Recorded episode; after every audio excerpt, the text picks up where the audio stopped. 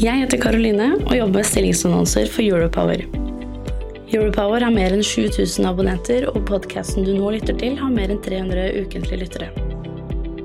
Hvis du er på jakt etter ny jobb, se stilling.europower.no. Ta også gjerne kontakt med meg dersom du ønsker å annonsere ledige IT-stillinger i fornybar energibransje.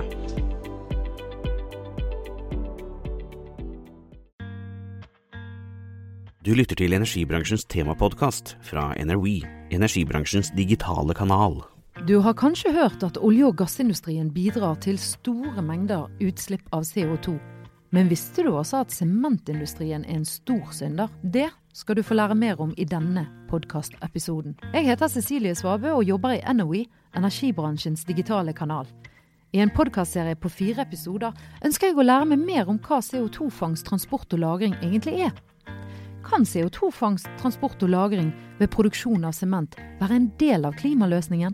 Du lytter til energibransjens temapodkast med annonsørinnhold fra Fortum Oslo Varme, Equinor, Heidelberg Sement, Total, LO, Norsk olje og gass, Norsk Industri og NHO. FNs klimapanel mener at menneskeskapte klimaendringer er vår tids største trussel. De mener også at vi er helt avhengig av å lykkes med fullskala CO2-fangst, transport og lagring dersom vi skal nå Parisavtalens mål. Men hva er egentlig konsekvensen av menneskeskapte klimaendringer? Vi spør Johan Hustad, direktør ved NTNU Energi. Ja, altså Konsekvensen ser vi jo allerede.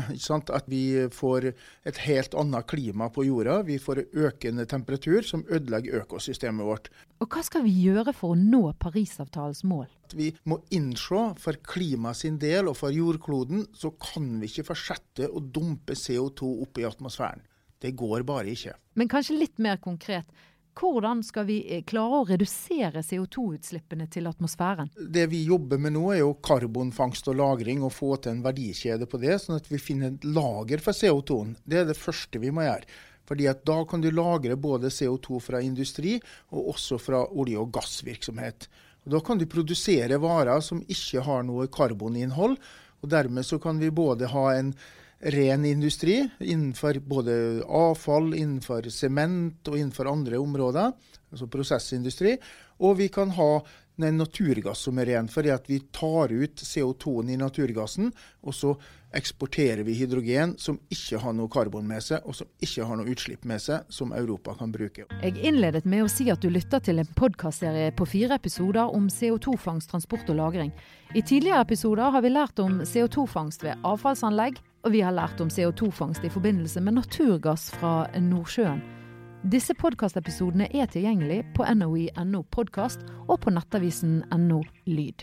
For å lære mer om CO2-fangst ved produksjon av sement, har vi tatt turen til Telemark for å besøke Norcem, som er en del av Heidelberg Cement Group.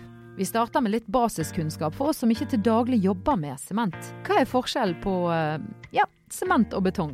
Så Betong er byggemateriale, og sementen er limet i det byggematerialet. Så når du bruker sement, sand, stein og vann, så får du en betong. Sementen står for ca. 30% av betongen, og det er altså limet mellom de andre. Da for steinen og de andre ingrediensene i betong. Per Brevik er direktør for alternativt brensel og bærekraft i Heidelberg Sement. Han forklarer hvorfor det er så viktig for Norcem og Heidelberg Cement Group å lykkes med fullskala CO2-fangst. I konsernet så slipper vi ut 70 millioner tonn, og det er jo mye mer enn Norge, for å ha en sammenligning til det. Heidelberg Cement slipper altså ut mer CO2 enn hva Norge gjør som nasjon. Samtidig understreker Per Breivik at konsernet allerede har gjort mye for å produsere så rent som mulig. Et gjennomsnitt vil ligge mellom 700 og 800 kilo CO2 per tonn sement, og vi ligger på rett over 600. Hvordan jobber Heidelberg Sement på veien mot fullskala CO2-fangst, transport og lagring? Altså, vi har jobbet i mange år for å teste ulike te teknologier. Så har vi gjort mulighetsstudie og en konseptstudie. Og så har vi da fått midler nå gjennom revidert nasjonalbudsjett at vi skal få gjennomføre et forprosjekt som da skal føre fram til et underlag, et grunnlag for å kunne ta en mulig investeringsbeslutning. Det prosjektet skal da avsluttes nå neste sommer. og Forhåpentligvis så får vi en diskusjon og en beslutning i Stortinget ett år etter det. Det er ingen tvil om at det er kostbart å jobbe fram fullskala CO2-fangst, transport og lagring. Hvordan skal Heidelberg Sement klare å tjene penger på dette? Det er jo et langsiktig prosjekt, men du kan si Det er stor økning i etterspørselen etter bærekraftige produkter. Det er et fokus på det.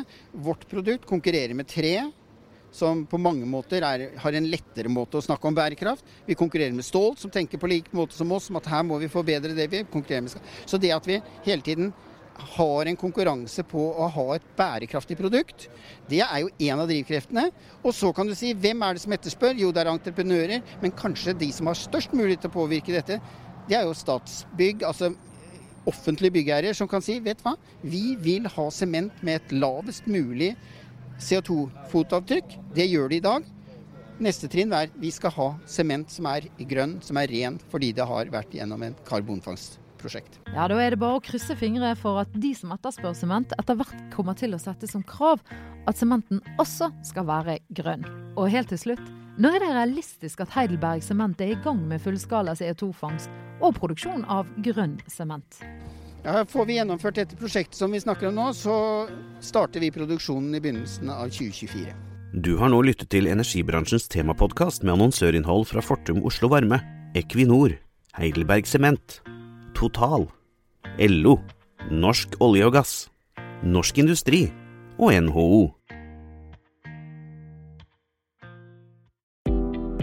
Jeg heter Karoline og jobber med stillingsannonser for Europower. Europower har mer enn 7000 abonnenter, og podkasten du nå lytter til, har mer enn 300 ukentlige lyttere. Hvis du er på jakt etter ny jobb, se stilling.europower.no. Ta også gjerne kontakt med meg dersom du ønsker å annonsere ledige IT-stillinger i fornybar energibransje.